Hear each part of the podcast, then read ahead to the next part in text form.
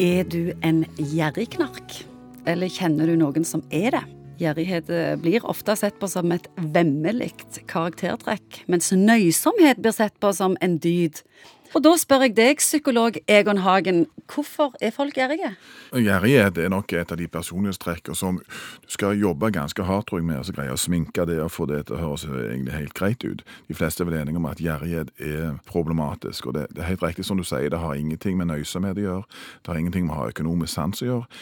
Den grunnleggende antakelsen som liksom viktig til sånn, sånn psykologisk begrep her, det er at du går ut og du ønsker å sikre deg ting, få ting. Og det kan noen ganger være for at du kommer fra en oppvekst hvor det var, du hadde bare råd til smør på den ene halvdelen av skjeva.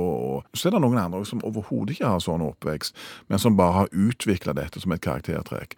Altså ideen om at det gjelder liksom å oppmagasinere, gi minst mulig fra seg. Hva da som skjer i psyken? Det dumme med dette, som du kan tenke på hvis du tenker at kanskje du er gjerrig, er at over tid så vil du egentlig oppnå det stikk motsatte. Istedenfor å få, så vil du oppdage at du får egentlig lite fordi at folk vil og over tid oppdage at du er gjerrig. Selv om du tror du skjuler det? Selv om du tror du skjuler det. Du kan ikke skjule det. Da går det en liten F, tror jeg, i mange folk og sier ikke ta sånn, altså. Da skrur folk igjen på sjåken, og det er du får lite din vei.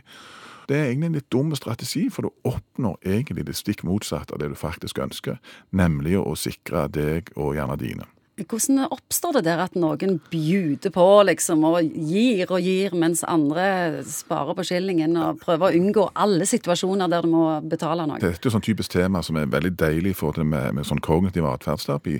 Hvor vi ville spurt en gjerrig person ja, får du det du vil på denne måten, hva erfaringer har med dette?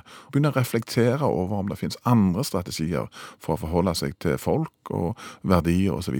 Veldig, veldig mange opplever jo at de får ikke det de vil, og det blir ikke helt sånn som de har tenkt.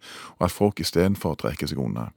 Det er ganske morsomt at jeg har snakket med en del gjerrige folk faktisk som har kommet, ikke pga. det i behandlingen, men vi har liksom sett at dette er noe av problemstillingen. Og det verste gjerrige folk er, vet du hva det er? Nei. Gjerrige folk. For da, da, får de ikke anledning å holde på. Da møter de på en måte en motstander som er drevet av den samme psykologiske dynamikken. og Det er det er mye, verre. Men hvordan er emosjonelt gjerrige folk? Altså Det å se andre, empati, evnen til å Hvordan skal jeg spille deg god, Ingvild? Hva type ting er bra for deg? Eh, å være opptatt av det. Eh, å være opptatt av å nå og berøre andre og være noe for andre. Og så vil du oppdage det der at jo mer du gir, jo mer får du. Det er jeg ganske sikker på. Det er ikke sikkert mange tenker så mye på dette. Nei, men da bør du gjøre det. For uh, livet blir mer interessant egentlig, hvis du på en måte blir opptatt av hvordan skal du, enten det er i team eller på jobb eller i kjærligheten for øvrig, trene deg på å se hva type Hva trenger de andre? Hva trenger de andre, Og de kan trenge noe annet enn det du trenger. Og det å trene liksom denne emosjonelle muskelen din, sånn at du blir flink faktisk til å se det, og tenke hvordan kan du ja, bidra i forhold til, andres liv.